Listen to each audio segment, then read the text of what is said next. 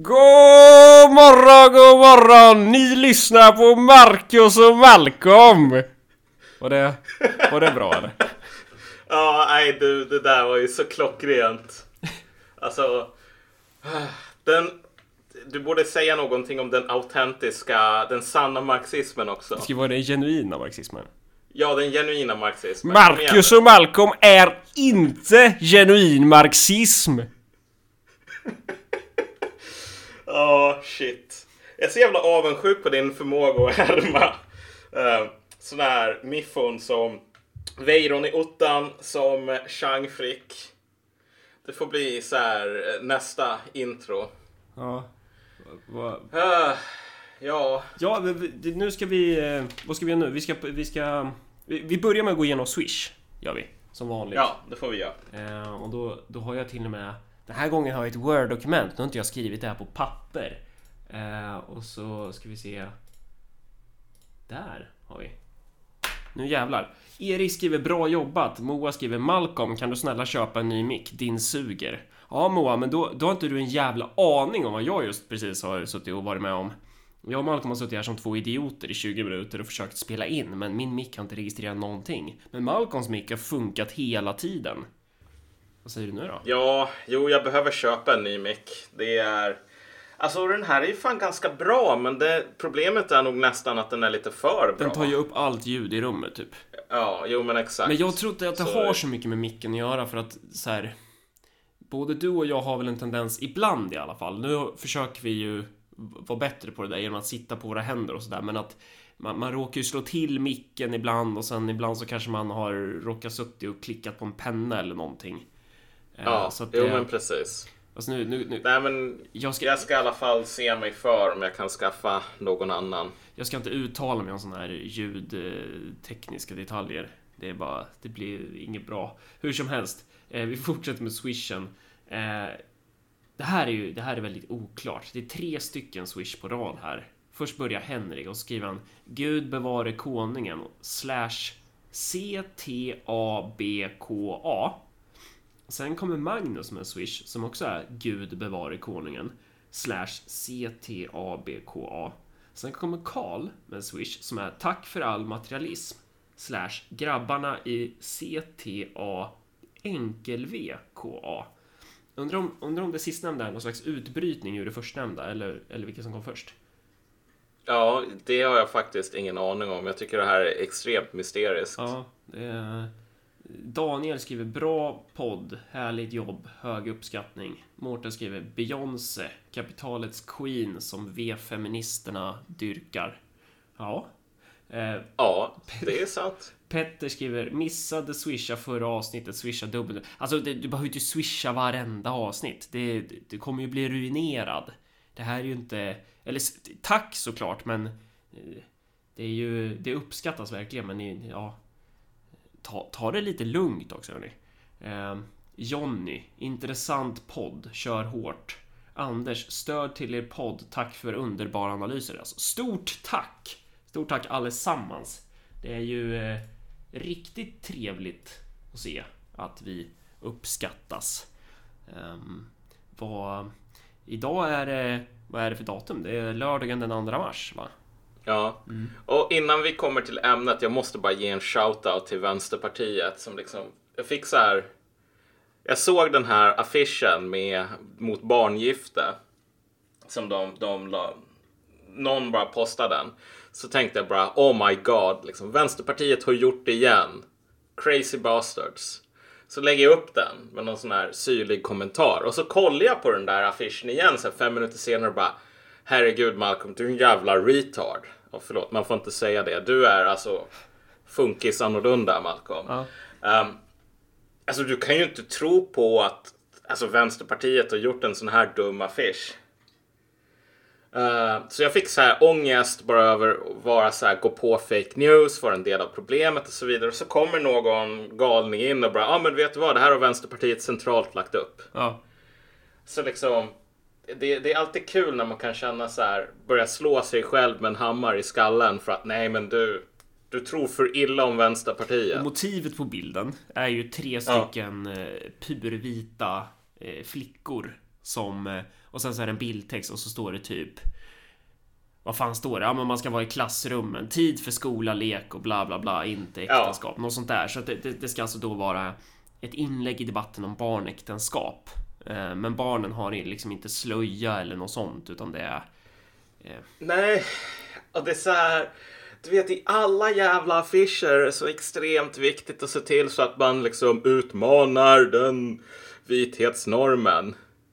Förutom den som handlar om att fucking bli bortförd till Irak och bortgift med någon sån här kusin. Då jävlar, då ska det vara liksom Moa och Linda och liksom ja. Stina som... Och det är bara så här... Uh, keep on being you. ja, nu, nu ska vi prata om... Ja, nu ska vi försöka prata om konservatism. Vi ska försöka ringa in vad fan det är idag. För det har ju blivit en ganska levande bakteriekultur, eller hur ska man uttrycka det? Ja. Eh, det, det finns ju, ja. man skulle kunna uttrycka det i hegelianska termer också, att det, är, det här är världsanden på något sätt. Ja. Nej men exakt. Alltså det är ju... Det har ju blivit tydligt nu egentligen sen... Alltså man kunde ju se tecknen säkert innan 2016, men det var 2016 som det här verkligen kom bröt igenom. Att det var någonting nytt på väg. Jag kommer ihåg hur det var liksom direkt efter valet och då sa ju folk mer eller mindre att så här, ja men typ orcherna invaderar. Alltså att alltså, någonting har hänt, det är katastrof, ondskan har liksom vaknat igen. Um, men man visste inte riktigt vad det var för någonting. Man visste bara att det var någonting nytt som var på väg. Och nu har det ju ett par år senare så har ju folk mer och mer blivit bekväma i liksom kunna komma med någon sorts nya analyser, både från vänstern, eller inte från vänstern, sorry, nej men främst från högern och från såna här um, galna, bittra, liksom icke-genuina marxister som du och jag. Ja, just det den icke-genuina marxismen, Marcus. Alltså, fy fan.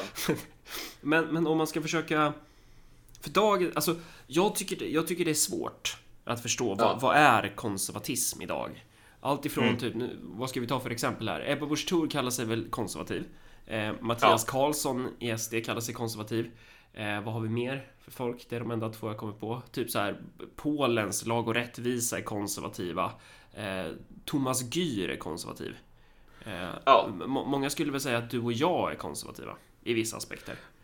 Ja, och samtidigt så om du tänker dig de som har kallat sig konservativa under ganska lång tid håller ju nu på att alltså, få panik över liksom, vad är det som händer. Alltså de gillar inte den här utvecklingen. Nej, till exempel de här neocons i USA typ.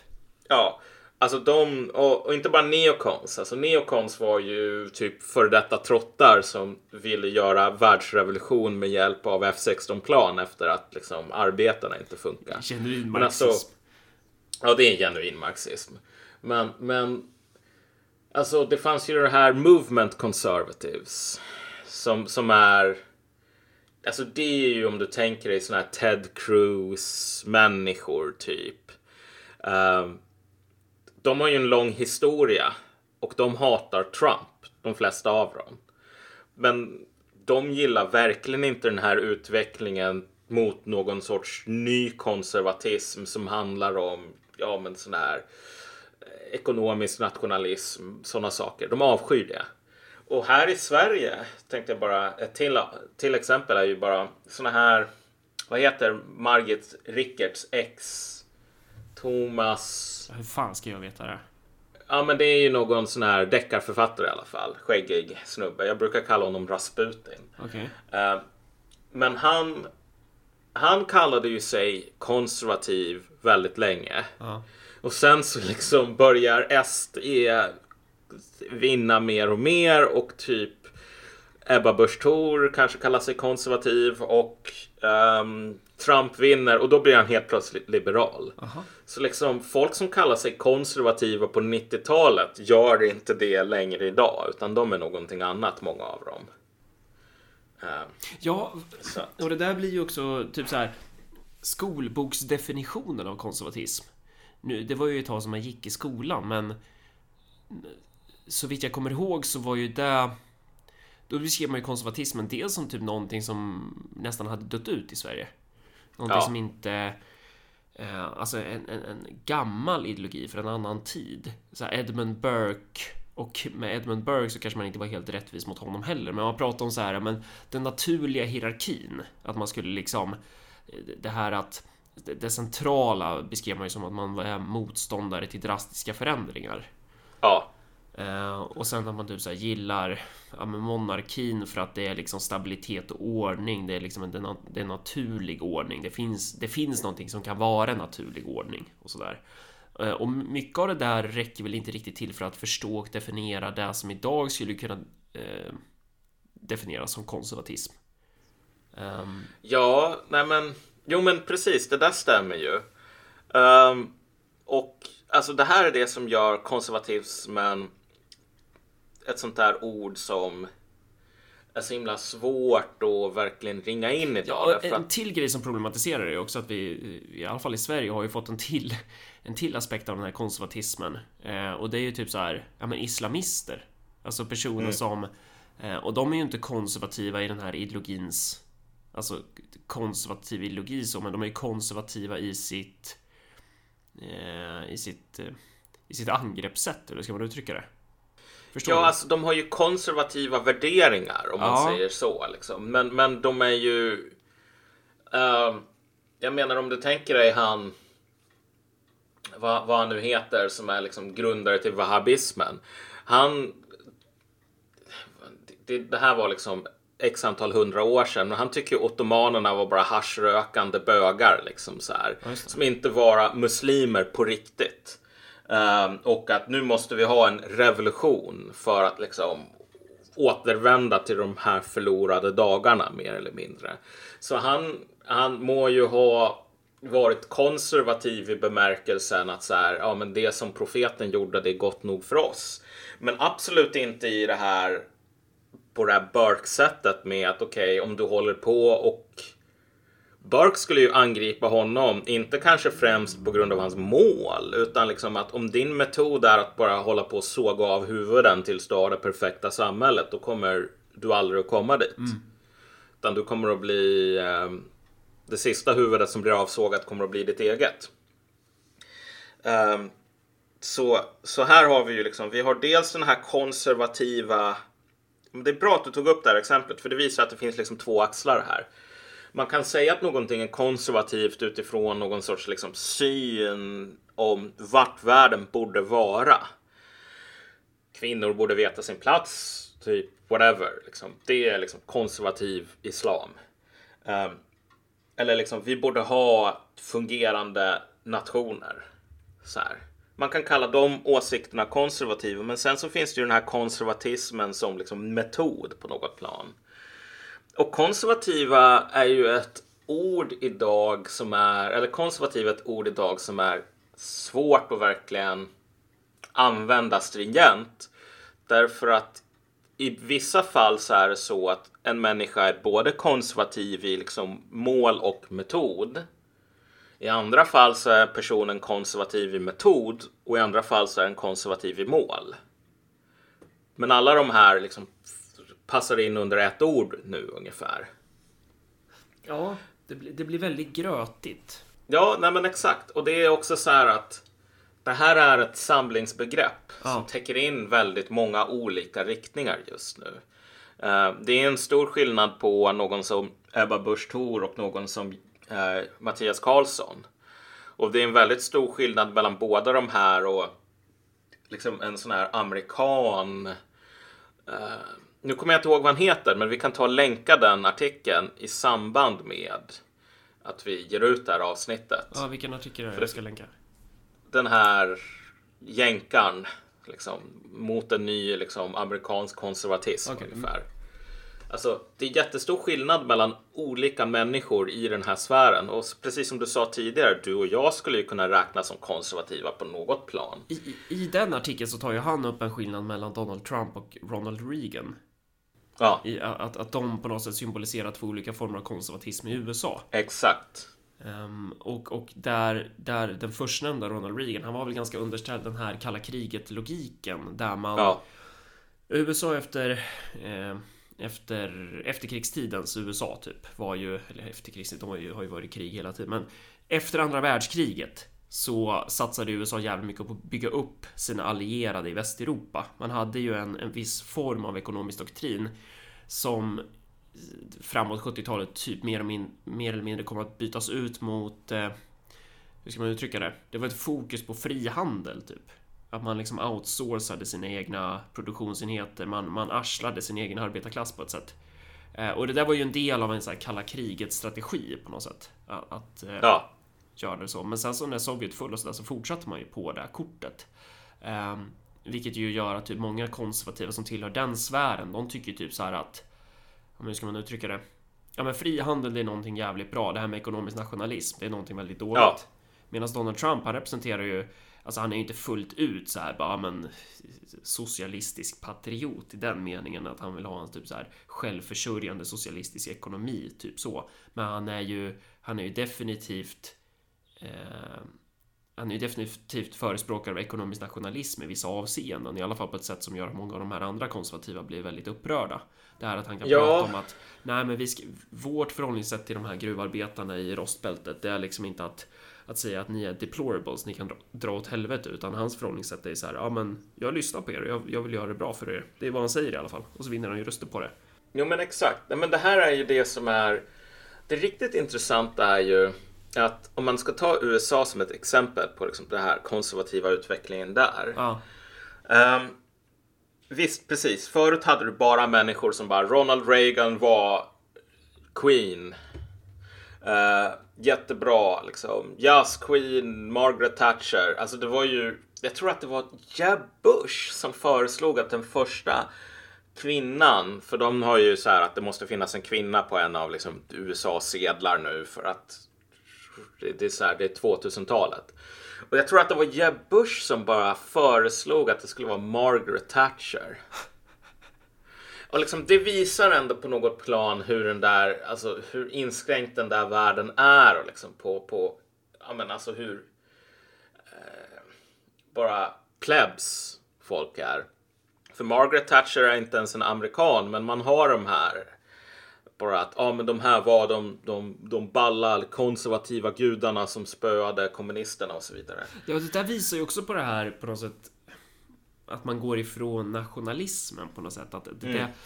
det, är, en, det är en globalistisk konservatism. Exakt. Problemet är väl att vad du börjar se nu, det är typ Ann Coulter har varit ute. Nu hatar hon Trump för att han bara kuckade ur när det gäller muren tror jag.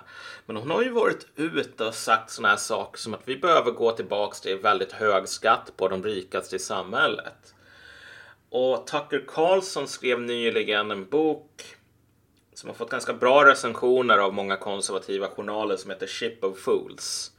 Som mer eller mindre handlar om, alltså det är ju det är mer eller mindre en version av, eh, om jag ska vara helt liksom krass här, en version av typ Åsa Linderborg, Göran Greiders högerpopulist eller vänsterpopulistiska manifestet. Fast bättre. Mm. Och från höger. Och Alltså man märker hur fler och fler av de här offentliga, de här intellektuella börjar röra sig. Alltså för Trump, han kom in som en jävla stormvind. Ah. Och han hade ingen stab med sig. Han bara... Det var liksom som en... Om jag ska använda en riktigt liksom sån här arga blatten talar metafor här. Du vet att um, det finns kackerlackor som typ de har sex genom att bara penetrera liksom så här, det yttre skalet. Liksom. Så det är som att du kör in en kniv liksom, i, i den här honan.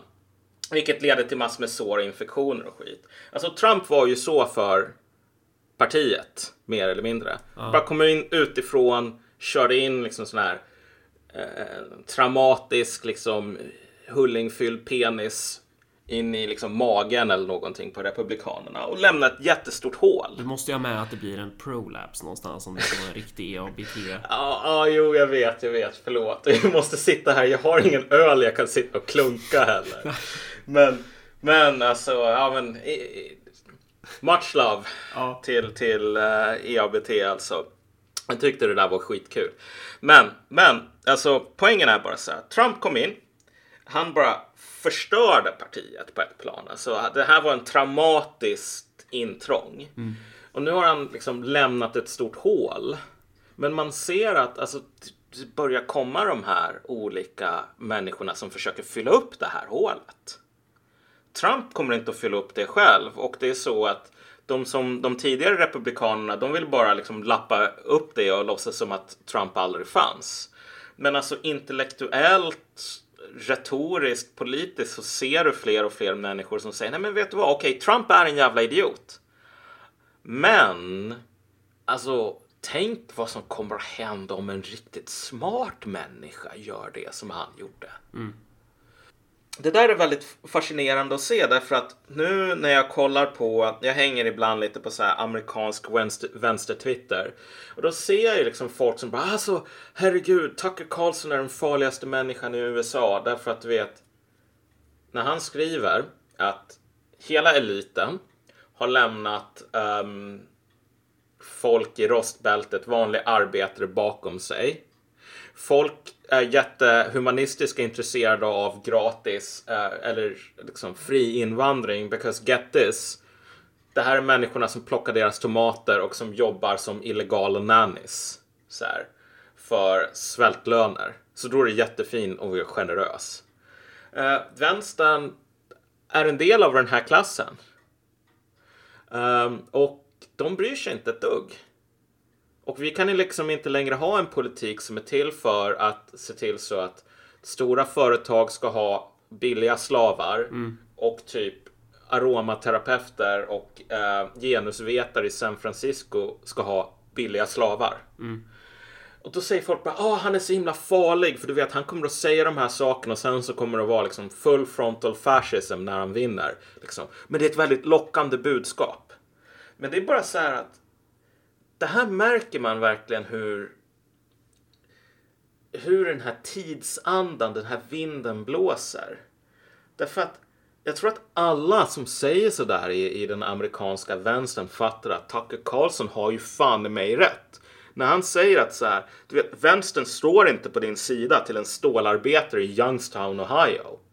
Han ljuger inte. Han behöver inte ljuga.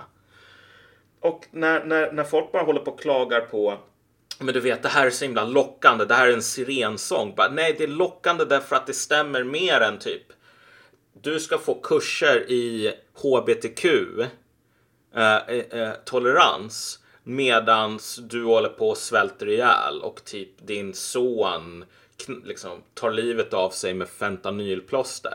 Så här. Men vi kan komma över och bara lära upp om hur, hur hemsk du är. Ja, istället för att reagera då. Oj, kolla den här personen vinner. Den här personen går framåt. Hur kan vi bli bättre än den här personen på att vinna de här människorna? För det är ju inte Ja. ett alternativ. Nej men exakt, alltså vad man ser jättemycket ofta idag det är så här folk som mer eller mindre håller på och klagar på att människor som Tucker Carlson finns. Snarare än att säga, men vet du vad? Alltså det är fan okej att Volkswagen finns. Om folk vill ha en Volkswagen istället för en Trabant då är det för att Trabanten borde bli bättre. Ja. Men nej då, då ska man förbjuda Volkswagen. Men, men, men så här, alltså skolboksdefinitionskonservatismen, eller så här, den, den- gamla konservatismen, den för hundra år sedan. Den växte, man säger ju att den växte fram, eller för 200 år sedan kanske man ska säga. Man säger att den växte fram som en slags reaktion på liberalismen och den franska revolutionen och allt det här. Den växte fram liksom i, Ja. i svallvågorna av det där. Att man tyckte att nej men riv inte ner allt nu, vad fan. Det, det kan ju vara bra att bevara lite av det här. Och sen så i det, i det här, lite av det här, då var det väl bland annat till exempel monarkin i olika former och så. Att man, man, man var emot de här omvälvande förändringarna. Och dagens, dagens konservatism är ju också någon form av reaktion skulle man ju kunna säga. För att om man ska försöka ringa in den här bakteriekulturen, den här väldigt stora floran av konservativa idag. Så, så kan man ju liksom, man, man kan ju tänka så här, ja men om vi ska ha en en mening eller någonting som ska ringa in så stor procentandel av de här konservativa som möjligt så kanske man börjar med att säga, ja men man är emot drastiska förändringar. Ja, då fångar vi in 18 procent av de här personerna. Man är emot eh, typ eh, vad kan det mer vara? Man, man är emot eh, ja, men HBTQ-certifiering, kanske man fångar in 7% eller något så här. Men jag tror att ska man fånga in så många som möjligt då skulle man nog ha meningen att det är en reaktion mot den moderna vänstern i mångt och Ja. mycket. Och, och framförallt en reaktion mot den här sentida kapitalismen så som den artar sig. Och den är ju på många sätt intertwined med modern vänster. Eh, och den här moderna, och, och, och det, det här kallas ju även för i den här artikeln som vi ska länka, som för övrigt är jävligt bra. Eh, ett samlingsbegrepp för det här skulle ju kunna vara palliativ liberalism. Ja. Men den, den moderna vänstern, om man typ kollar på Robin Hood av Disney. Tänk dig att du har Sir John. Eller vad Prin- säger jag? Prins Liksom, John. Prins John. Ja. Och det är alltså, det är typ Peter Wolodarski. Ja. Eller så är det, ja men nuvarande hegemonisk liberalism. Och sen så har du den där dumma ormen som typ sover vid hans eh, liksom sänggavel. Sir Väs. Fast man tar bort Ä och S. Så är det bara V. Ja. Ja, men Kul. Ja men precis, alltså där, där, det är vänstern idag. Vänstern är den där liksom comic relief, liksom hovnarren åt prins John på Ja. ett plan. Ehm, har inte så himla mycket som den kan göra själv. Kan inte stå på egna ben. Men den har mer eller mindre liksom accepterat att vara nummer två i någon sorts hegemonisk liberalism. Och bara säga att jag är, du vet, jag kommer att besegra dig, liberalen. Eh, samtidigt som alla liksom förstår att det kommer aldrig att hända. Ehm, men jo, det är ju en reaktion framförallt på liksom hegemonisk liberalism. Men vänstern är det mest högljudda exemplet på det. Så visst, alltså, många riktar sin, sin ilska mot vänstern i första hand. Jo, eftersom Ju mer- vänstern, vänstern är ju de här kultisterna som dyrkar rådande. De, de säger ju inte det själva, Ja. men, det, men i praktiken så blir det ju så när man, när man är emot liksom familjen, man är emot nationen, man är emot alla, alla gemenskaper. Mm. Eh, och det, vi har ju pratat om det tidigare, man hatar ju de här icke självvalda partikulariteterna. Ja, men här är det ändå liksom, here's the kicker. Ju Ja. mer sofistikerade de här konservativa eller radikala konservativa människorna blir, alltså ju mer de sätter sig ner och funderar och förstår hur världen funkar, desto mer bara inser de, huh, vänstern är inte alls marxister. Nej, exakt. Ehm, och de är ju inte de som verkar styra nu. Det är ju, alltså, vet, vi har trott att det, våran kamp är mot de här galna rödingarna som liksom kontrollerar alla institutioner, men de är ju inte alls rödingar och det är ju inte de som styr. Så här, vi behöver inte bry oss om vänstern. Vår fiende är de som faktiskt spelar någon roll. Vänstern spelar väldigt lite roll, förutom på Twitter. Och jag menar alltså, de har ju liksom if the shoe fits. De har ju inte fel om den saken.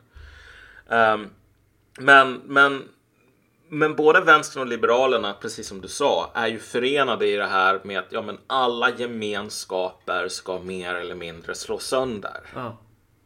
I jakten på gnosis. Och mer det, eller det mindre. i sig är ju grovt antisocialistiskt. Alltså det är Ja. ju liksom och det signalerar ju kanske tydligast det här eh, avbrottet med eh, socialismen. Att, att för, för hundra år sedan om man sa att man var vänster i Sverige, ja men då var man ju antingen, antingen liberal eller så var man ju socialist, typ. Mm. Eh, Men är du vänster idag, då är du ganska sällan socialist. Du kanske tror det själv, men, men det är svårt att kombinera det här. För att, för att vara vänster idag, det är ju snarare att dyrka den här eh, hyperindividualismen. Ja, Eh. visionen om socialismen är den, den liksom atomiserade individen som är 100% fri och aldrig möter några hinder i sin vardag. Och alla hinder är liksom antisocialistiskt. Om jag går till eh, någon sån här affär och ska köpa hudkräm och den är hudfärgad men du, du vet den är beige. Då är det antisocialistiskt för att det här är ett, ett, ett hinder mot min förmåga att realisera mig själv genom konsumtion. Alltså det var, this is the left. Det här är vad socialism är nu för tiden. Fucking hudkräm. Ehm, så, så visst, alltså den aspekten finns ju. Och den andra biten är ju att om man nu ska faktiskt, om man ska koppla tillbaks till alltså, de här framgångsrika konservativa som finns idag. Och det är ju som sagt väldigt många olika typer. Det är Ebba Busch Thor.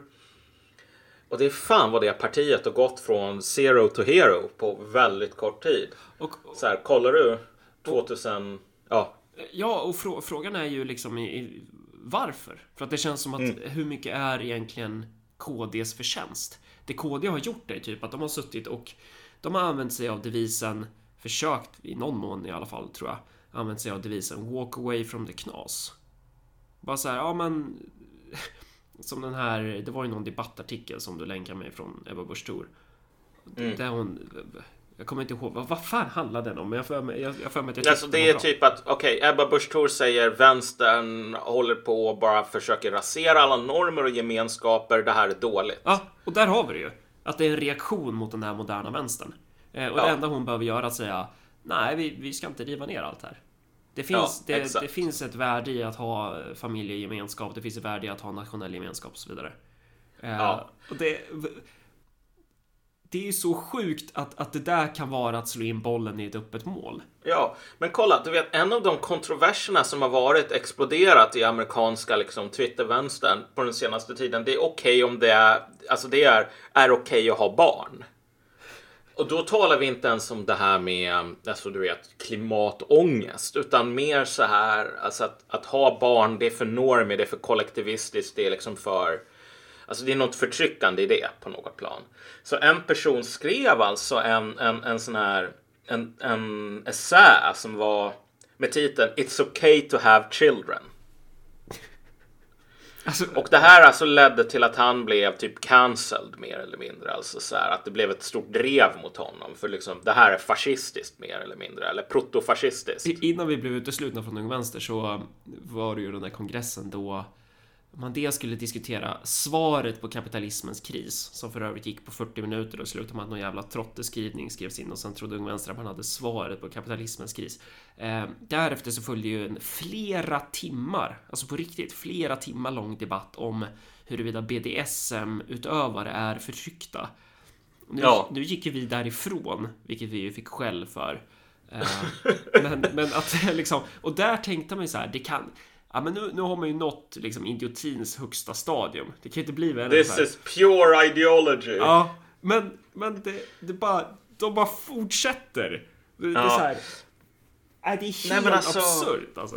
Nej, men, men, men jag tycker att alltså, det fascinerande är, visst, kolla, det spelar visst in en viss roll av det här, men du vet, det, är- det är förtryckande i första världen om man är vit, liksom klimatångest, bla bla bla, ha inte barn.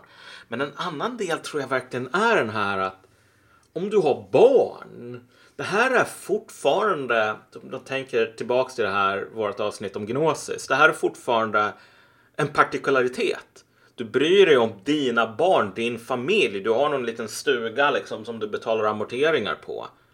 Du förflyttar dig från världsalltet in i det partikulära.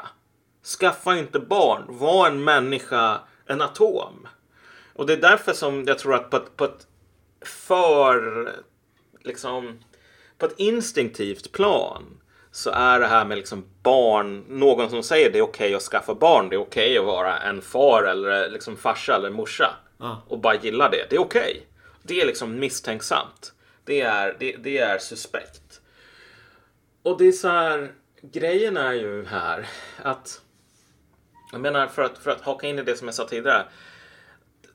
Det finns två liksom attackvinklar eh, som den här sortens höger, konservativa, fem stjärnor, whatever, liksom. Hela den här stora klägget liksom. Som, som, som bakterier i den här bakteriekulturen använder för att angripa, bryta ner liksom, nuvarande vänster, nuvarande liberaler. Två vinklar här. Den första är eh, eh, en, kontring på det här. Det är okej att ha barn. Det är så här, folk gillar att ha barn. De gillar typ familjer. De vill hellre ha en familj på julafton än att sitta typ ute på Twitter. Alltså vanliga människor tycker om sådana här saker. De tycker om gemenskaper. De tycker om eh, sammanhang som är större än de själva. Och det är okej. De tycker om nationer. De tycker om eh, att vara en del av en grupp, ett folk, whatever. En gemenskap. Och det ska de få göra därför att ett samhälle där man säger nej, det här är dåligt. Det är ett omänskligt samhälle. Och om vi erbjuder det här, då kommer vi att vinna för att det här är vad folk vill ha. Det är, det, det är nummer ett. Men nummer två är jävligt intressant också. Och det tycker jag att den här artikeln som vi kommer att länka ett jävligt bra exempel på. Nummer två är sjukt fascinerande. Det är som konservativa högern som är som de här enterna i Sagan om ringen som bara vaknar upp och bara ruskar av sig damm som har lagrats på lager efter lager i så här 200 år. Mm. Så börjar de inse att wow, okej, klasskonflikt. Mm. Att förstå politiken i termer av klasser. Det är någonting hjälpsamt och det är dessutom någonting som vi har gjort en gång i tiden. Liksom. Till och med innan Marx. Innan Marx var född så liksom, du vet, att tala om klasser, det är tusentals år gammalt liksom, så det är ingenting nytt. Vi har det där. Och när vi vaknar som de här enterna och liksom ruskar av oss dammet och ser hur landet ligger nu. Det finns en jättebra grund för en klasskonflikt som vi kan vinna. Men för att vad, hur de ser på det mer och mer, det är så här. Låt typ Jonas Sjöstedt teama upp med Ben Jerrys. Um, vi kan ta och klippa alla de här människorna som Jonas Sjöstedt och Ben Jerrys inte bryr sig om, som de tycker är äckliga rasister. Som alla de här som ekonomin inte är till för längre. Och alltså ingen av de här människorna skulle ju aldrig, ä, någonsin erkänna att de läste Den stora rorsmannen. Men det här är, alltså folk på högen börjar inse så här att folk, de här konservativa börjar fatta att man förenar de många för att besegra de få. Människorna i de här liberala kuststäderna och liksom Silicon Valley och så vidare, de är få. Människor i flyover states, människor som inte vill leva som jävla slavar liksom, eller illegala nannies åt någon sån här supervänster aromaterapeut i San Francisco. De är många. Och vi erbjuder dem någonting mycket bättre än vad de här liberalerna och liksom den så kallade vänstern gör. Därför att de för en klasspolitik för vinnarna. Ja. Och där börjar man ju komma in på så här. När man kommer in på det där spåret då måste man ju också börja förstå hur ser klasskompositionen ut idag. Mm. Att, att den är, vi börjar mer gå in i det här som vi har pratat om tidigare och det har vi pratat om Det har vi pratat om, ja vi tjatat om ganska länge nu va Men det här med att du har typ Hur ska man uttrycka det? Dels har du ju en e- elit Ett klasskikt som är någon form av elit eh, Av alla möjliga varianter och sen så har du liksom en En serviceklass typ eh, Mm. Och det är ju till exempel så här billig Billig arbetskraft med jävligt osäkra anställningsvillkor Ja. som så slit och slängvaror som tjänar den här eliten. Och sen så har du bara ett överskott i princip. Ehm, och det är ju primärt då tidigare arbetarklass i västvärlden som hade en ekonomisk nisch. Men som allt mer kommit att förlora den när man har förflyttat vitala delar av produktionen till Kina typ. Ehm, Ja, exakt. så, så man, man börjar... Sen kan man kritisera den här klassanalysen. Det är ju inte direkt det mest detaljerade och sådär. Men, men det är ju... Det är grova drag som på något sätt börjar stämma överens med verkligheten. Eh, Ja. Och om man ser de där grova dragen så har man ett försprång jämfört med de personer som eh, Ja men som tror att framgångsreceptet till att ta makten är att eh, Jag vet inte vad Säga att vi ska HBTQ-certifiera alla nämnder. Mm. Men, men det är också det som är grejen, du vet. Det här är, det, det här är hur den hegemoniska liberalismen och den nya klassen som är, har det som sin naturliga klassideologi alltid opererar. Alltså den, det här är kameleonter, alltså de döljer sig alltid bakom någon sorts allmänintresse. Så de här människorna som säger som säger nej men byggnämnden måste HBTQ-certifieras här. Min kusin jobbar med det och gör det här för bara liksom fakturerar bara en 4000 kronor i timmen. Så här. Det här kommer att leda till att kommunen blir så mycket mer human. Alltså det är ingen som säger, vet du vad, min kusin behöver ett jävla jobb. F- betala. Så att det är bara godhet all the way down. Som maskerar ett väldigt naket klassintresse. Men Men, men, ja, ja, nej men vad tänkte du säga? om de här konservativa likt enterna har plockat upp klassaspekten i politiken igen och börjar förstå den på ett annat sätt än vad man kanske har velat göra tidigare. eh, Då kommer ju det här tvinga dem in på en viss form av politik.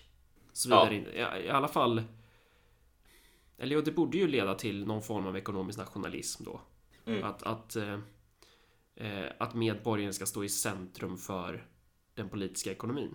Mm. Men här, kolla, här är också den här centrala klasskonflikten som verkligen håller på att blåsa upp idag.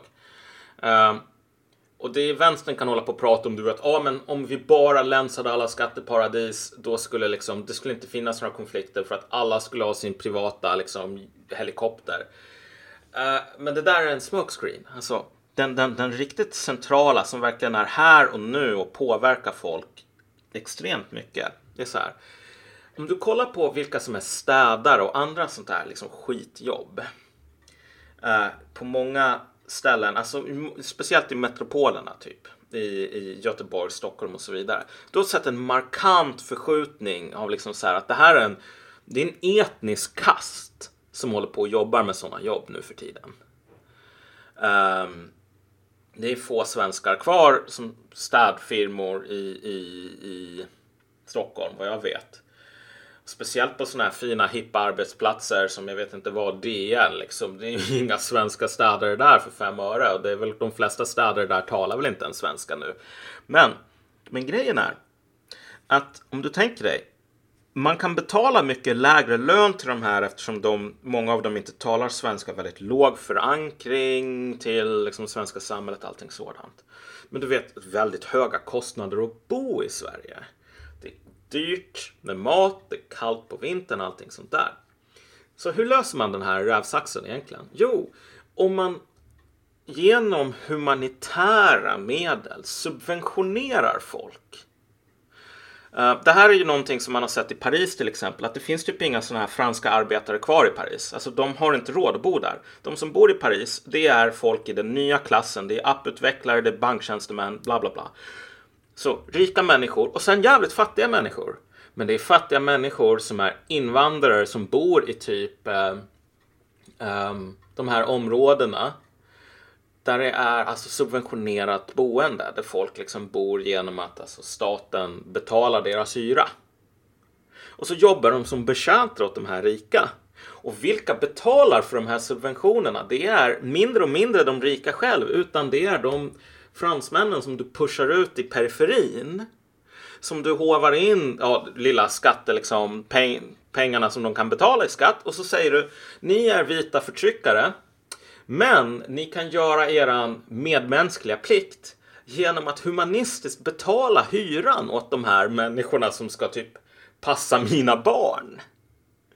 Det är skitgenialt på ett plan. Alltså, men det är också så här att du håller på att skapa den här större och större klassen. För, för en av de här termerna som används i den här artikeln är den här liberala dödshjälpen. Liksom. Uh, liberal, eller palliative liberalism. Och liksom mm. palliativ, palliativ vård är ju vård som man ger till en döende patient som inte kommer att bli bättre. Mm. Uh, palliativ liberalism handlar om att liksom skjuta in en stor morfinspruta i armen på människor som håller på att bli obsoleta. Och medan de sitter där i det här liksom fentanylruset så stoppar du in eh, din hand i deras ficka och så tar du upp deras, de pengarna som de har kvar. Och så ger du det så att du inte behöver betala skäliga löner till dina barnpassare och kebabtekniker. Mm. Um, och alltså det här är ju det som högern eller de här konservativa börjar genomskåda mer och mer. Vänstern kommer ju aldrig någonsin att göra det därför att vänstern befinner sig på fel sida av den här klasskonflikten. De står inte på de stora massornas sida utan det här är det människorna som fan uh, tjänar på det här systemet direkt och indirekt. Uh, men det här är en enormt explosiv klasskonflikt. Därför att det som du ber folk att göra, det som du ber vanligt folk. Nu gör jag upphovsrättsintrång här på liksom KD, men det skiter jag i. Uh, om du ber vanligt folk och bara subventionera Alltså med bidrag, med subventionerade bostäder, allting sådant. En ny etnisk under, alltså tjänarkast. Som ska totalt ersätta svenskarna. Eller inte bara svenskarna utan liksom vanliga arbetare. Liksom. Uh, italienska liksom, eller ättlingarna till italienska uh, uh, uh, grovarbetare som kommer för att jobba på ABB. Liksom. De kommer att bli ersatta de med. Det spelar ingen roll att de kommer från Italien eller deras farsor gjorde det. Alltså... Här, här skulle ju kanske folk reagera på att vi pratar delvis om en transferiat i bemärkelsen människor som inte har en plats i produktionen utan som lyfter mm. eh, bidrag och som kanske inte ens kommer kunna ha en plats i produktionen. Samtidigt mm. som vi då också pratar om en annan form av transferiat, vilket ju också det här är så jävla...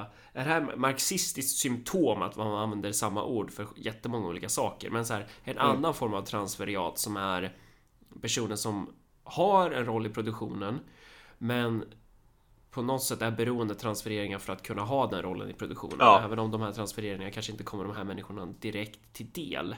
Utan transfereringarna i själva verket går till en annan del av, som också skulle kunna definieras som ett transferiat, då den här elitklassen.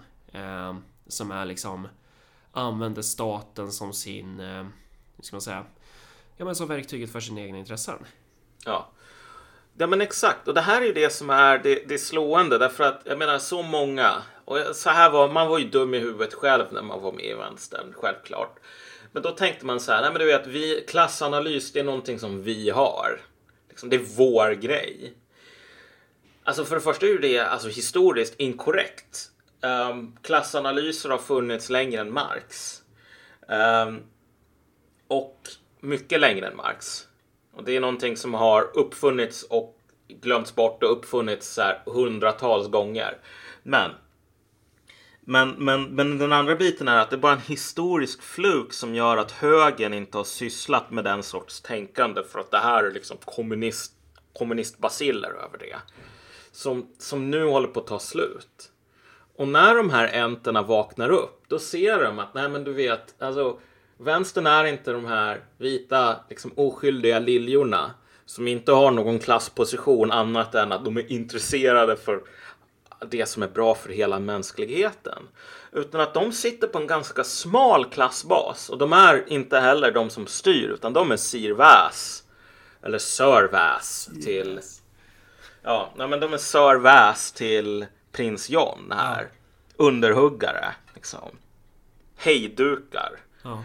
Uh, men det finns så extremt många förlorare och så få vinnare. Och de här vinnarna, det är inte de som har älgstudsare hemma. Så att, alltså. Och så har du mer och mer de här smarta vänstermänniskorna som idag, vad är det de producerar? De producerar artiklar som håller på och klagar på, du vet att idag så lever vi i en högervåg. Ja. Högervindar blåser. Konservativa bla bla bla. Kvartal är den största fienden. Liksom.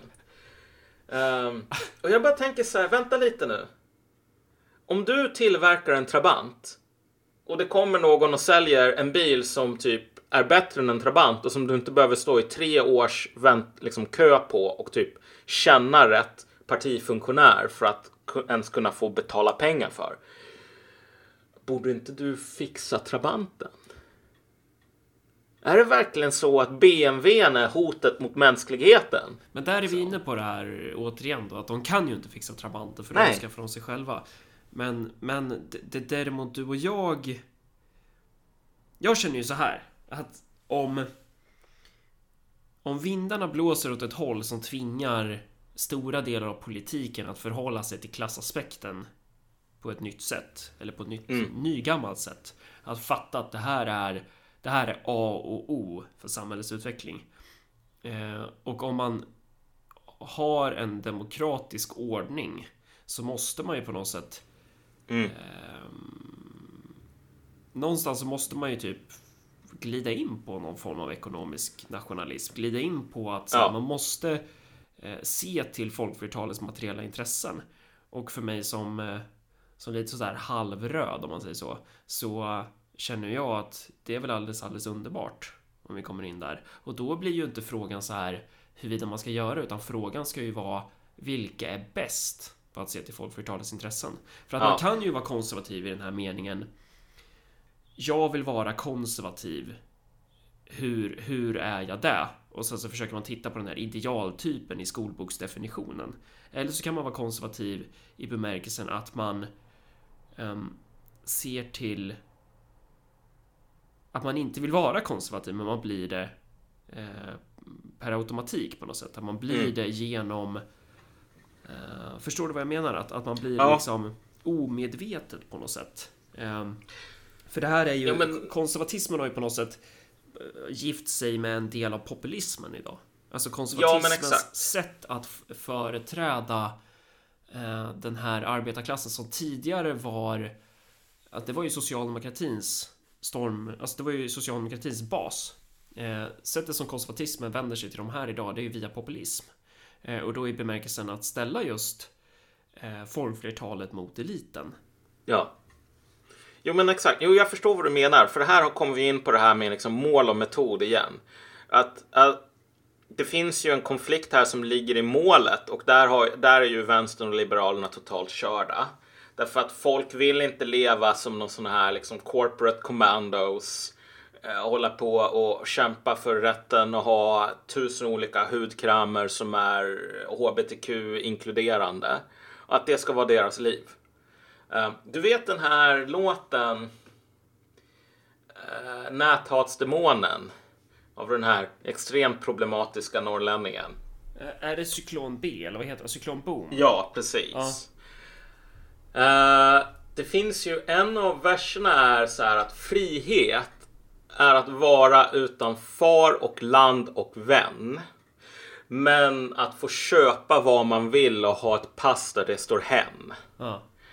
Uh, och jag tycker att det här är väldigt kärnfullt uh, uttryckt. Därför att det här är liksom en estetik som vänstern och liberalerna har sålt. Det här är deras vision om frihet. Liksom på fullaste allvar. Och alltså när du säger att man är tvungen att bli konservativ på något plan. Alltså. Det här är ett mål som i princip ingen vill ha längre. Alltså folk har levt i det där skiten. Du och jag har levt i det och det är fan inte så jävla kul. Uh, uh, ett pass där det står hen, fine, okej, okay, men om priset för det är total atomisering mm. och en liksom total utlämnande till marknadskrafter till krafter som är mycket större än en själv utan någon sorts kollektiv förmåga att slå tillbaks. Um, det är ingen som vill ha det. Så om du ska vara politiskt relevant, visst, du måste fan ställa dig där människor är och vad de vill ha. Du måste liksom slåss för en vision om mänskligheten som typ människor som inte driver människor till, till att ta livet av sig. Um, Sen så kan man väl säga i ärlighetens namn att du och jag har väl blivit lite mer konservativa också i den här processbemärkelsen i, i, i termer av att man börjar ju inse när man blir lite äldre att det är så jävla enkelt när man är så 21 år gammal och bara säga ja men vet du vad om jag fick bestämma allting och bara ändra på allting så här, som en ny Pol Pot. Hur fan var det, det skulle bli bra då? För att problemet med Pol Pot det var att han inte var lika smart som jag. Nej, Alltså det, det, det finns andra problem med Pol Pot, vilket är att alltså, om du börjar hålla på att stapla upp de här pyramiderna med dödskallar så liksom den, den metoden liksom begränsar dig och leder till massor med katastrofer oavsett om du är smart eller dum. Ja, men du och jag blev ju utkastade från Titanic och så satte mm. vi den här livbåten och bara vart var fan ska vi åka då? Um, och så fick man liksom typ göra ett segel av sina kalsonger och se vart vinden tog en. Mm. Uh, och då har vi ju hamnat här i den här fascistiska myllan, den bruna den rasismen. Uh, nej men här, hur ska man uttrycka det? Man, man har väl använt ens marxistiska verktyg som någon form av kompass. Ja. Uh, och försökt se vad fan är vi någonstans? Och det har, väl, har, har, väl, har man väl kunnat göra i en större bemärkelse när man inte har varit tvingad av sociala konventioner, kan man säga så? Att man har inte varit tvingad av att förhålla sig ja. till till att om kompassen pekar mot norr så står ingen och, och liksom sneglar ner på kompassen och säger nej, det där, den pekar inte mot norr. Och man bara, ja. men jo, den pekar mot norr. Så här, arbetarklassen har inte intresse av den här migrationspolitiken. Nej, nej, nej, det där är fascism. Alltså att, mm. att det har, man har ju varit fri att, att försöka lära sig lite av de här grundteserna i praktiken på ett annat sätt kanske. Mm. Men vad fan var det jag tänkte på? Jo, just när det gäller det här med att Alltså om, om vi ser eh, en, en, konservatism, konservativ populism, eller hur man ska uttrycka det, eh, som som vill eh, göra folkflertalets intressen företräda folkflertalets intressen då är det ju bara, då är det bara upp till bevis vem som är bäst på det där egentligen. Ja, exakt. Och då, om Jag tycker att det är har- skitkul på ett plan. Ja, det är väl väldigt bra. Eh, och, och grejen är den att eh, även idag bland många av de här ledande konservativa profilerna så har du fortfarande lite av den här eh, Ja, men jag vill vara konservativ. Hur är jag då? Och så Mm. bestämmer man sig för ja, men jag ska vara emot abort. Eller Mm. jag ska vara liksom så här, men vi måste ha traditionella man och kvinnoroller. Liksom. Att det- blir det här identitetspolitiska för att det är det sättet som man tänker att man ska vara konservativ på. Man kan inte underordna sig eh, principen om att tjäna folket. Eh, Exakt. Men på något sätt så om, om man bara skulle göra det, då är frågan, skulle man vara konservativ då? Och svaret på den frågan är väl egentligen nej. Och det är väl det som är att de konservativa är någonstans i gränslandet däremellan. Ja, jo, samtidigt så finns det ju ganska många konservativa som skulle ha varit radikaler förut därför att alltså, det som definierar deras konservatism är att de vill ha någonting radikalt annorlunda än den liberala hegemonin. Ja. Sen så är de inte så himla brydda om ehm, om man nu får skynda ganska snabbt liksom, eller inte. Liksom, eller om Burke skulle tyckt att man skyndade för mycket. Så Ja, för, för jag tänker så här att många Många svenskar är ju traditionella gråsossar. Mm. Men de skulle också kallas för konservativa i många aspekter. De Ja. har konservativa aspekten bara så här. Ja, jag har den här kontroversiella åsikten att jag vill ha ett land som är lagom och som funkar. Bara jag skiter i resten. Mm. Låt mig käka min jävla taco. Bara, jag, alltså, och det där betraktas ju som konservativt då. Ja, nej men alltså du, du har ju helt rätt i att alltså, det finns väldigt många konservativa som deras grej är ju att de har en, de har en konkurrerande estetik. Om vi säger så. En konkurrerande politisk estetik. Och nu så vädrar de morgonluft för deras möjligheter att liksom tvinga på den estetiken på människor. Precis som vänstern har gjort innan. Ja. Problemet är bara så här att ehm, det gick inte superbra för vänstern egentligen. Alltså att det finns begränsningar med försök att tvinga på andra människor sin politiska estetik. Exakt. Den krossas Som ju man- oftast av klassintressena. Ja, exakt. Så att förr eller senare så är man tvungen att liksom, den smarta vet hur man anpassar sig. Ja. Um, jag läste någon ganska intressant grej om Viktor Orbán som mer eller mindre ehm, kapitulerade inför att han behöver liksom, på något materiellt plan liksom, slåss för fattiga människors eh, rättigheter och drägliga levnadsförhållanden för att annars så skulle han bara förlora valen. Liksom. Att, så här, det demokratiska systemet funkar så att om du har människor som inte har mat att äta då kommer de alltid att rösta emot den som sitter nu tills de får mat att äta. Eh, och, och, och då bara, ja men då är det vårat jobb att se till så att de har mat att äta för annars så kommer vi inte kunna sitta kvar. Men hur, hur långt är man villig att gå då? När det gäller att få eh, att folk ska ha något att äta? Alltså, Ja, det är det som är den stora frågan och det är Ja. det som är den stora liksom, utmaningen. Jag menar, herregud, Orban kommer aldrig någonsin att förlora på grund av att så här, Jocke Medin åker ner dit och bara säger det här är inte liberalt. Det här tycker inte mina polare om X-bomb. Liksom. Det här är ett dåligt land. Ehm, jag menar, det här är dubbelt så stort som näst största partiet. Liksom. Fidesz har ehm, de har ju aldrig liksom så fått 55 procent, men på grund av hur deras politiska system funkar så Ja. kan de ändå sitta i ensam majoritet. Men, men alltså, om, om man nu ska tillgodose folkflertalets intressen eh, genom någon form av ekonomisk nationalism, finns det inte ganska stora nackdelar med det? Eller finns det inte ganska stora svårigheter i det? Det är väl inte bara typ så här säga, nej men nu ska vi ha alla fabriker i Sverige. Eh, för att då måste man ju bryta med kapitalets logik som är det är ju inte hu- hur lätt som helst att göra. Jag tänker bara på det här med att liksom gå ur EU är ju en jävligt komplicerad process typ. Ja. Eh, och, och det är väl det som gör som gör det ganska intressant att så här att man i steg ett börjar fatta typ att äh, men det kanske är bra att typ bry sig om hur människor i, i det egna landet har det. Och det kanske är bra att vinna de här människorna på, eh, på frågor om ja, men om mat på bordet, alltså på, på riktiga frågor, inte en jävla värderingsdravel utan faktiskt det som spelar roll. Um, Ja, men, men, men- Då, men då kommer vi in på de här förutsättningarna, alltså hur ser förutsättningarna ut för att göra det här då? Ehm. Men det saken är bara den att, alltså det där är en intressant poäng. Om det vore så att, alltså, krönet man skulle vara tvungen att ta sig över här, det var att besegra kapitalets logik. Um, alltså då skulle ju allt åt alla liksom ha 10 000 år på sig och liksom get their act together ungefär. Därför att jag menar högern skulle ju inte göra det. Och det är ju så här att besegra kapitalets logik är extremt svårt. Om du försöker, om du gör en oktoberrevolution och skapar Sovjetunionen så kan du inte ens göra det till 100 procent, även fast du verkligen, du verkligen försöker. ah, Men jag skulle säga så här att en av de sakerna som jag, och det här är bara en, en, en tanke vid det här laget. Jag har inte satt mig ner och grävt mig ner i det här i tusen timmar. Men kolla. En av de sakerna som man ser i såna här ekonomier i väst är att de, verkar, de verkar bli mer och mer ineffektiva. Om du tar bara så här hur mycket det kostar för skolan i USA, alltså så här K-12, liksom, du vet grundskolan. Hur dyr den är. Alltså den går upp extremt mycket jämfört med inflationen. Alltså skolan idag är svindyr.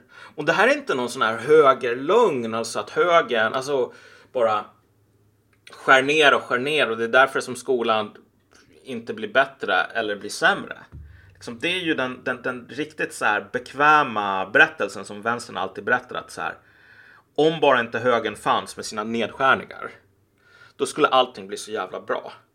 Men många av de här kostnaderna, liksom, för bara en grundskola, håller på att växa så enormt mycket. Kostnaden för sjukvård växer enormt mycket. Kostnaden för alltså, högskoleutbildning i USA ska vi inte ens prata om. Och om man kollar lite grann vad den här kostnaden verkar bäras av så är det administratörer. Det är en viss klass av människor som verkar liksom parasitera på, liksom den, på den större ekonomin. Och som bidrar till att allting blir jätte, jättemycket dyrare hela tiden. och då skulle man kunna argumentera för att, att framväxten av den typen av transferiat strider mot kapitalets logik. Att, Ja, alltså det är ju ingenting som, du, om du avskaffar den klassen människor så kommer inte kapitalismen att bara Nej. säga, ja men vet du vad, alltså, vi, du vet, jag var okej med att hålla på, du vet, med pengar, varor, pengar cykeln. Men nu när typ aromaterapeuter eller genusvetare inte kan Vad liksom, är- HBTQ. vad är aromaterapeuter? Ja, men det är, det är aromaterapeuter. De håller väl på med någon sån här liksom behandling. Man ska ligga ner i någon stol och så ska man liksom lukta på grejer typ och så ska man må bra. Jag tror Okej, att det är något sånt. Men, men, men hur som helst, kolla. Kapitalismen kommer inte säga, du vet, jag har, vi, vi har, vi kapitalister, vi har förvandlat pengar till varor till pengar i så här 300 år. Men nu när det inte finns genusvetare och när liksom äh, Örebro kommuns bygglovsnämnd inte hbtq-certifieras längre för att de människorna har proletariserats. Nej, men då, då, då, då, då slår vi ihop butiken. Liksom. Det kommer ju inte att ske. Men det är just det här med att, alltså, på ett plan, det är en sån stor lögn som vänstern har kommit undan med så himla länge att det är bara nedskärningar, nedskärningar, nedskärningar. Visst, nedskärningar händer hela tiden idag. Men samtidigt så motsvaras ofta de här nedskärningarna av enorma kostnadsökningar som inte alls motsvaras av inflationen eller något sånt här att du vet papper har blivit dyrare. Eller att du vet, nu måste vi köpa iPhones eller Ja. iPads till barnen. Man, kan också det- uttrycka, man kan ju också uttrycka sig nedskärningar på vilken klass. Kan man uttrycka det. Ja, exakt. Jo, men exakt. Det är, ja, det är ju en jättecentral poäng. För alla nedskärningar går mot en viss klass och det är Ja. inte de som står för kostnadsökningarna. Nej. Man anställer två administratörer till och så sparkar man en lärare. Det är så det ser ut. Och så här, ta någon som Tony Blair. Han, du vet, hyllas ju som den här personen som, du vet, reformerade socialdemokratin och bla bla bla liksom. Den, den nya vägen. Och vänstern berättar den här myten om att han skulle vara en person som älskar att skära ner. Nyliberal, nyliberalism deluxe. Det är bara det att om man ser till, han sa inte till NHS. nu ska ni klara er med hälften så mycket pengar. Han sköt till massor med pengar till sjukvården. Och därför så är det massor med rika administratörer och typ så här hyrläkarchefer äh, och liknande som bara jag älskar Tony Blair. Han var det bästa som fanns. Tony Blair är Messias liksom. Därför att han visste. Han sköt pengar till rätt grupper. Men, men även efter det där då? Även efter att man liksom... För, för att det är ju definitivt görbart. Ja. Att ta makten, eh, omfördela resurser, eh, se till så att det går mer pengar till kärnverksamhet istället för liksom onödig administration och massa på tjänster och skit. Mm. Men sen då? När man liksom, om man tänker på en systemnivå för att den här arbetarklassen under om vi ska tänka så här, förstadiet till den palliativa liberalismen var ju en slags mm. välfärdsliberalism, välfärdsstat. I Sverige ja. kallar vi det socialdemokratiska samhällsbygget. Så att eh, där hade ju arbetarklassen en nisch och den här nischen var ju beroende av att arbetarklassen var behövd. Och arbetarklassen var ju behövd för att det fanns en stor marknad eh, som vi kunde producera massa grejer till. Eh, men det måste ju då finnas liksom en... Nu tänker jag väl lite högt här, men det, men det måste ju finnas produktionsbehov. Eh, och vad, vad, skulle man till exempel i Sverige då, om man ska tillgodose folkflertalets intressen på lång sikt och på, på, på ett stort plan, då måste man hitta en sån här ny nisch på något sätt. Antingen ja. det, eller så får man ju ha någon form av cirkulär ekonomi. Ja, alltså det där är, såna här saker är verkligen inte enkla och okomplicerade. Nej. Jag tror att alltså, om man bara ska hinta till liksom, någon sorts möjlig liksom, halvöppen dörr så är det väl så att anledningen, om man nu ska ta en sån här man ska ta ett svenskt exempel. Anledningen till att vi håller på och typ skapar den här etniska underklassen, liksom betjäntklassen som ska subventioneras av de tidigare arbetarna som nu bara ska ges läxor i om den svenska kolonialismen och varför de är onda. Alltså, varför man måste hålla på och betala städare så himla dåliga löner har ju att göra med den här, alltså det finns en term för det, en amerikansk term som heter cost disease, alltså kostnadssjuka. Alltså den här nya klassen för med sig kostnadssjuka, vilket betyder att saker och ting blir dyrare och du måste spara, spara, spara pengar på andra ställen för att kunna livnära de här parasiterna om man ska vara helt ärlig. Om du slog ihjäl parasiterna och nu måste jag säga som Alex Jones, slog ihjäl dem politiskt. Liksom. Uh, om du slog ihjäl parasiterna politiskt, om du krossade deras skalle politiskt, uh, som han håller på att ranta om. Men vilka, vilka är parasiterna? Alltså, är det, alltså vilka menar du då? Menar om du, du tar liksom... universiteten. Ah, okay, du menar alla de här administratörerna. Ja, Bara, du vet. Ta, ta, ta dem bakom ett skjul och skjut dem med en halvmantlad liksom 357-kula politiskt. Liksom. Nu kan jag inte härma Alex Jones, men, men föreställ dig att jag sa det i den rösten. Han är väldigt hes. Ja. Ah, du så men, men så här, om du gjorde det, då skulle du helt plötsligt ha enormt mycket resurser som du skulle kunna använda för att typ betala lärare i universiteten drägliga löner. Um, därför att liksom, vi har jättemycket resurser uppbundet i liksom, ineffektiva system och en ganska onödig klass människor gissningsvis. Och om du alltså trycket på dig att hålla på och spara och spara skulle bli mindre. Vilket betyder att du skulle kunna, typ, jag vet inte vad, kanske till och med tillverka symaskiner i ett land som Sverige. Därför att eh, marginalerna skulle vara större. Ja, det är ju bra. Alltså det, det finns visst, alltså, jag säger inte att alltså, problemet med kapitalismen och det här är ett problem som kapitalismen inte uppfann utan det är ett problem med alla mänskliga system någonsin. Att de är byggda för att typ klara sig här och nu. Men alltså de, de skapar alltid sina egna kriser. Ja, alltså, det, man, det man behöver ha är ju alla människor måste ju ha en plats för att uttrycka ja. sig i termen av Ernst i Fyra nyanser av brunt. Att det, det, måste ju vara politikens uppdrag att se till så att varje medborgare har en, en plats i produktionen. Um, och sen så då, om du frågar dig och mig, så ska det vara så, så liksom jämlikt det bara går. Uh, men, men um, för det här antagandet om att det, det, det, stämmer ju såklart att det är klart att man kan omfördela resurser från de här administratörerna och allt det här från, från den här medelklassen som på något sätt är en följd på den här välfärdsstaten som vi har haft men som ja. lever kvar än idag och det är ju på något sätt en överskottsklass.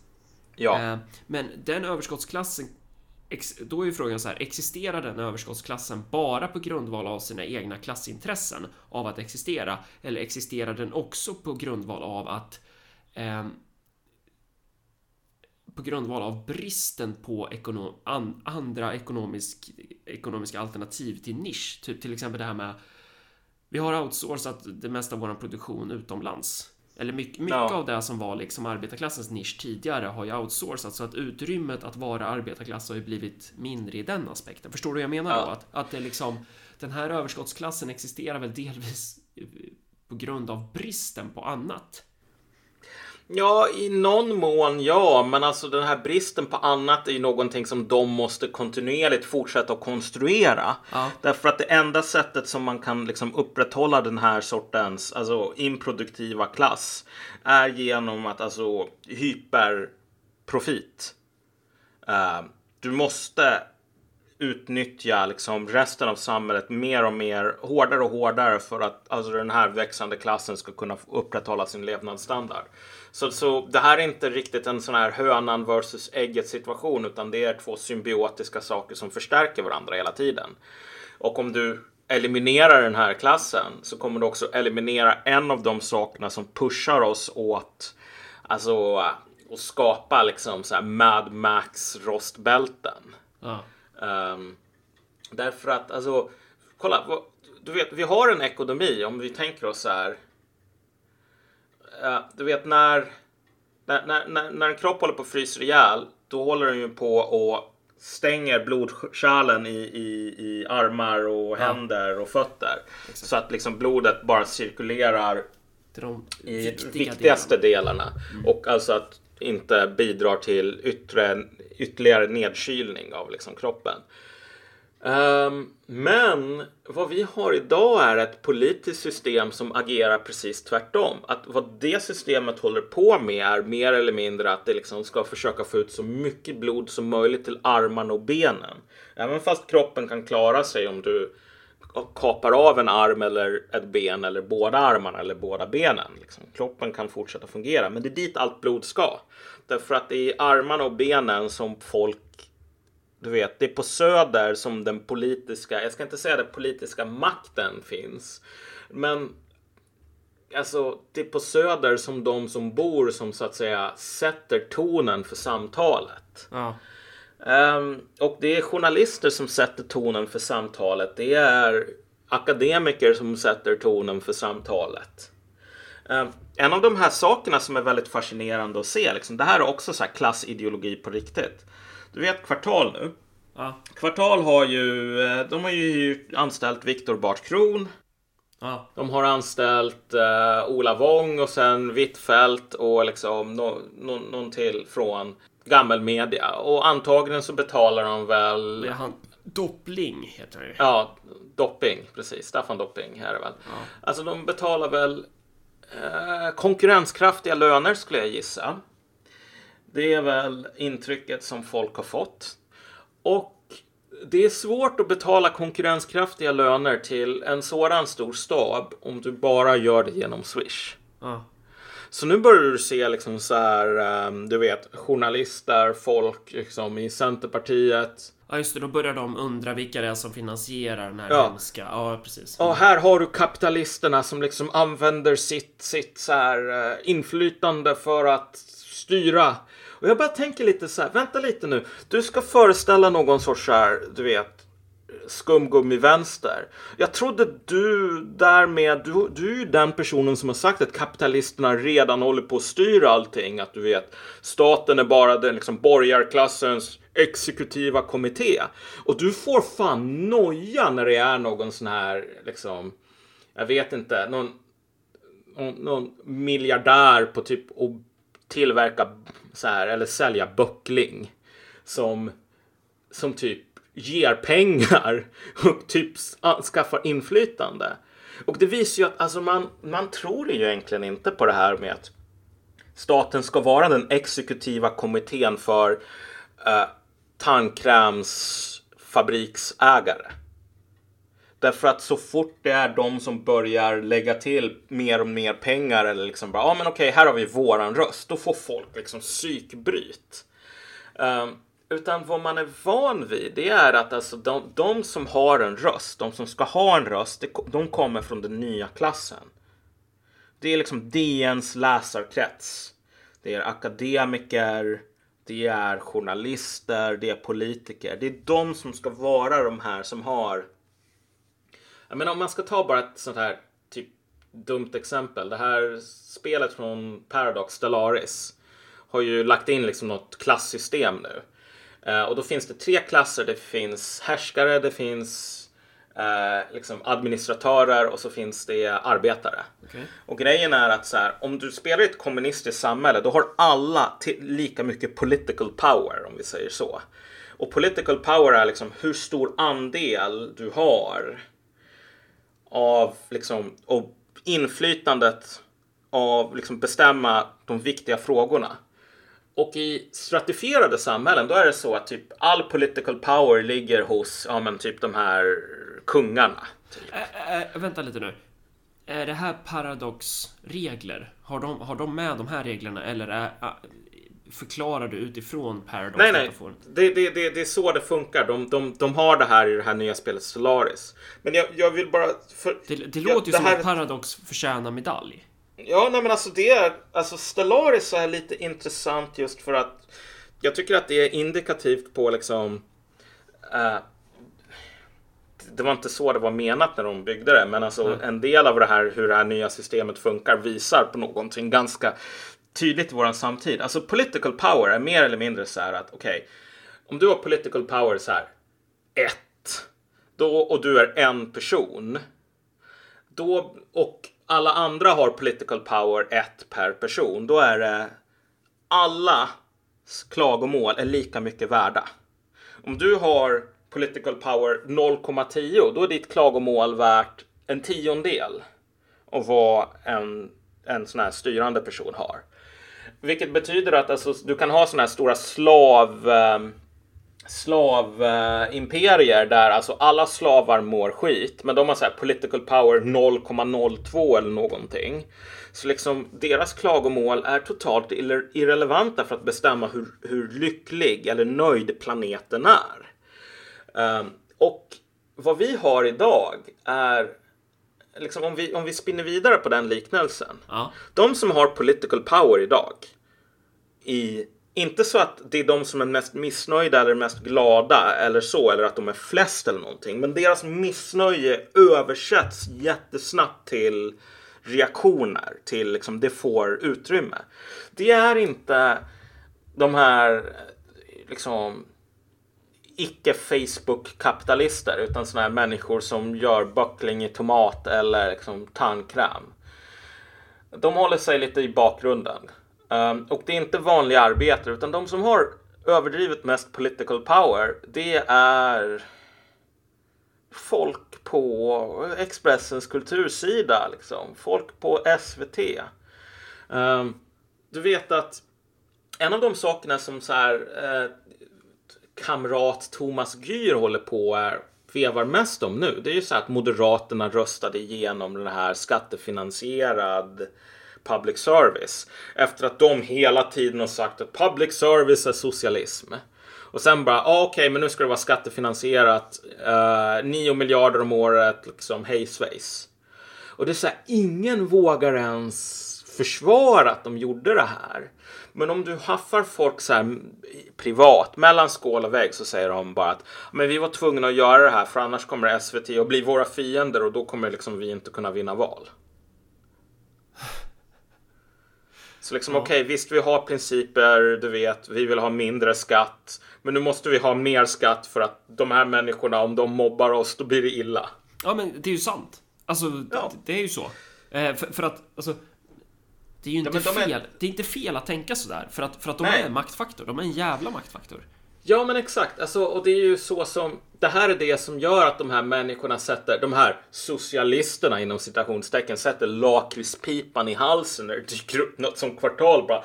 Får, får kapitalister hålla på att betala för en tidning som typ blir mer välläst än min tidning som betalas genom subventioner från staten?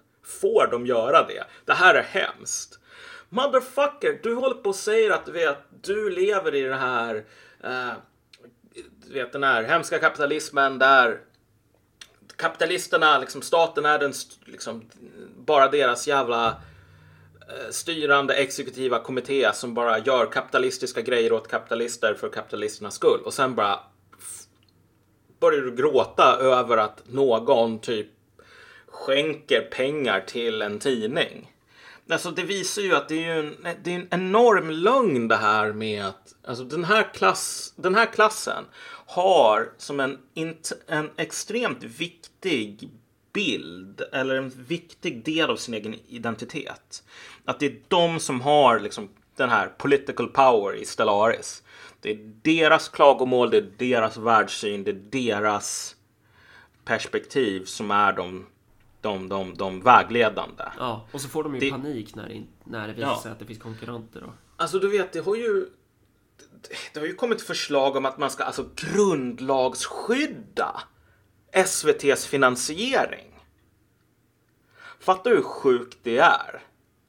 Ja, visst, alltså folk håller ju på att säga bara, ja men du vet det här är för att om vi inte grundlagsskyddar det här då kommer Hitler.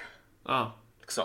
SVT är det enda bålverket mot Hitler. Så därför är det viktigt att vi grundlagsskyddar. Nej, det här, det här är ett skrå som håller på och försöker se till så att sin snugs, sugsnabel in i liksom den offentliga statskassan aldrig någonsin kommer att bli hotad. Och, och min misstanke när det gäller SD, det här kanske jag har sagt till Marcus och Malcolm förut.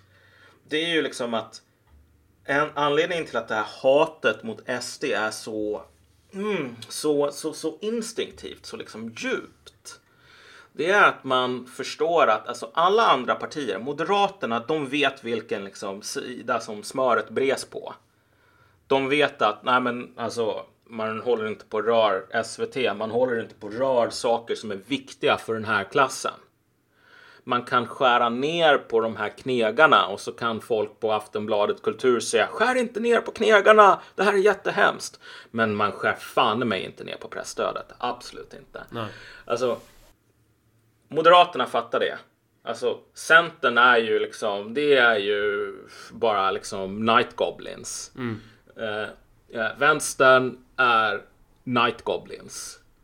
Sossarna Också. är typ, ja men sossarna är Gretchens. Okay. Um, de, är, de är 100% bakom det här projektet. Men SD, SD är man inte säkra på. SD finns det en möjlighet att de kan trycka på den här förbjudna knappen som är vänd dig till folk, till de här dumma lantisarna och säg vi kan skära ner på dem för att inte skära ner på er. Alltså, nu är det ju så här att SDs klassbas inte alls är bara lantisar. Um, och alltså om du tänker dig SDs kader är verkligen inte bara lantisar så som det brukar vara med politiska kadrar överlag. Men, men jag tror att de har den här rollen som liksom populistisk mm. arv, tronarvinge här är någonting som de har fått för att liksom deras motståndare har liksom varit paranoida mer eller mindre. Ehm, de är så extremt paranoida för möjligheten att något parti kommer in och bryter mot omerta. Och omerta är att alltså rubba inte förhållandena i vem som har political power. Vem som har vems perspektiv, inflytande, intressen som det politiska systemet går till först. Och Sverigedemokraterna har ju en potential i att bli den där kraften men jag är inte säker på att de kommer ta den potentialen Nej, och, och, och att, om, de, om de gör det så kommer det vara för att motståndarna har tvingat in dem i det. Typ. Ja, eh, och det är återigen tillbaka till det här med konservatismen. Alltså, vad betyder det för Sverigedemokraterna? Och vad, vad, om, om man ska försöka... För det är ju svårt att definiera den här konservatismen. Alltså det lättaste sättet att säga är bara så ja men det är motpolen till den här palliativa liberalismen typ. Men Mm. d- den här processen är ju inte klar inom Sverigedemokraterna heller. Nej. Fan vad de kör. Eh, och eh, det är ju... För om man tittar på hur Sverigedemokraterna beter sig runt om i landet så beter de sig väl inte så himla enhetligt heller. Nej. Eh, typ är att... eh, Hur, hur, klassmedveten är man? Jag tror att många, många sverigedemokratiska politiker, är i alla fall mitt intryck, att de står nog ganska nära Moderaterna i många frågor. Ja, Eh, ja men precis. så de kanske kommer sitta där om åtta år och säga nej men det är klart vi ska ha kvar SVT och så kommer SVT inte vara lika hårda mot SD och så kommer, kommer det finnas någon annan form av populister som man kommer eh, säga är Adolf Hitlers reinkarnation istället. Ja, det är ju, alltså det där, jag har inte tänkt det tidigare, men alltså det skulle ju vara väldigt intressant om SD, alltså det är ju inte omöjligt för dem Nej. att hoppa på det här tåget, vilket är att ja, men vi blir samlingspartiet för den nya klassen när de andra partierna liksom verkar du vet, råttorna lämnar sjunkande skepp. Ja, Okej, det, men då det kan vi smarta ta. är ju att det smarta är ju att kanske offra några stycken av dem. Men, Mm. men i, för att man är så himla, man visar nåd. Man Mm. är så himla barmhärtig mot de andra Ja, ja. som man då bara skär ner lite grann på. Men då, då är det ju, då, det är, men, men kolla, men det är det som jag gillar med liksom politiska motståndarna idag på ett plan. Så här, Ja. att det är liksom bring it on på ett plan. Att eh, jag var inne på The American Conservative och så läste jag någon sån här recension av någon bok som var, också var ett sånt här försök att ja, men, försöka återuppfinna konservatismen i liksom, Trumps tidevarv. Och han sa ju lite skämtsamt den här författaren att så här, alltså, vi kommer bara att vinna när högerns marxister besegrar vänsterns marxister på sitt eget game. Och jag bara tänkte så här att alltså, du, vilken besvikelse det kommer bli för dig att upptäcka att alltså, vänstern har inga marxister. Nej, exakt. Men så här, men jag kan däremot säga bring it on. Liksom. Vi får se vem som är bäst på det här. Eh, och må liksom, bästa sida vinna i den här kampen om, om världsanden just nu. Ehm, När, tror det- du, när tror du vi börjar definieras som högermarxister då? Ja men alltså det är ju folk, folk jag är väl det redan nu att det här är Ja. så här. Men alltså eller typ Nils Flyg eller liksom fascister sådär. Ja, det. Och det där, eh, det där får ju folk göra om de vill. Alltså, typ, det spelar ingen större roll. Ja, en, sak som, en sak som är folk inte riktigt verkar förstå bland våra gamla kamrater. Det är att alltså, du vet, vad är det för, det finns ingen fördel med att kalla sig vänster idag. Du kommer inte få gratis öl när du går på Palermo om du bara, ja men du är vänster. Ehm, utan om du är en person som har saker som är värda att säga och som faktiskt ligger i linje med människors politiska intressen. Då kan du bli bjuden på en öl på Palermo. Uh, men bara att säga, men vi tillhör vänstern. Liksom, det gör inte det. Så att liksom att försöka frånta någon eh, medlemskap i klubben eller försöka laborera genom att så här betvinga verkligheten genom att använda ord. Det funkar typ inte. Um, så jag, jag liksom, man behöver inte vara rädd för några etiketter om man är i din och min position överhuvudtaget. Det låter ju jättepostmodernt kanske, men, men så här. Ehm, Jag är en Owlkin. precis. Ja. Men vad var det du skulle säga innan jag kom in med det här med högermarxister? Du sa att det var... eh, Alltså det kommer att bli intressant att se hur det kommer att vara väldigt spretigt bland de här så kallade högermarxisterna. Vart de hamnar, liksom vilka klassanalyser de gör, vilka ehm, politiska prioriteringar de gör, vilka ehm, klassallianser de försöker bygga etc. etc. Men alltså till skillnad från de här Twitter, amerikanska liksom Twitter-vänstern fast i sin slavmoral och dekadens. Jag säger bara så här till Tucker Carlson, om du vill säga någonting hoppingivande och bra till de här um, arbetarna i rostbältet så här. Du vet. Good on you. Alltså det kommer inte, det kommer inte att hjälpa dig i slutändan för att vår sida kommer att vinna. Vår sida kommer att vara bättre på det där. Vår sida kommer att vara bättre på att verkligen ta tillvara de här obsoleta arbetarnas materiella intressen. Men om vi är så jävla dåliga så att vi är sämre än Tucker Carlson. Då förtjänar Tucker Carlson en jävla pokal. Det är inget, det är inget konstigare än så. Alltså. Ja, nej men alltså. Vi går mot en tid och jag använde ju det här exemplet förut, du vet som i liksom Europa Universalis.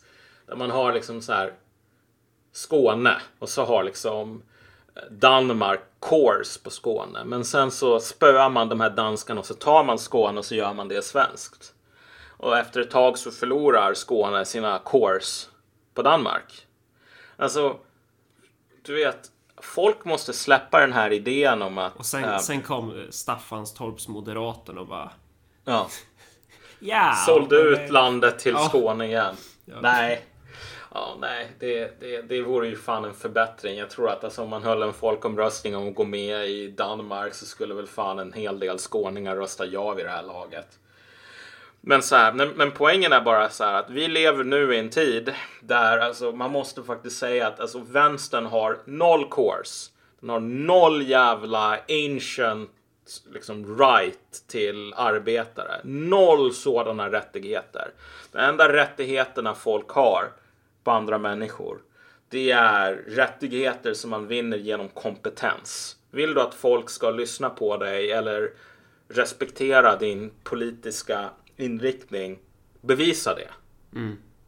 Men, men, men ja, nej, alltså det här var bara en, en, en lite rambling överblick av läget. Vi kommer nog att prata mer om, om, om konservativa framöver så här. Det var gjort nu jag velat duttat i- lite Ja. kring det här.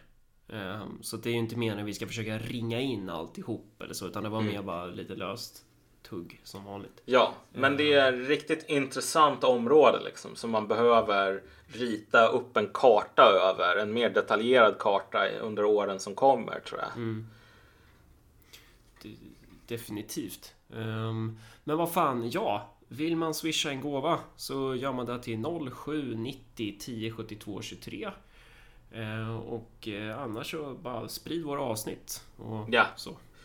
Ha det, ha det bra allihop.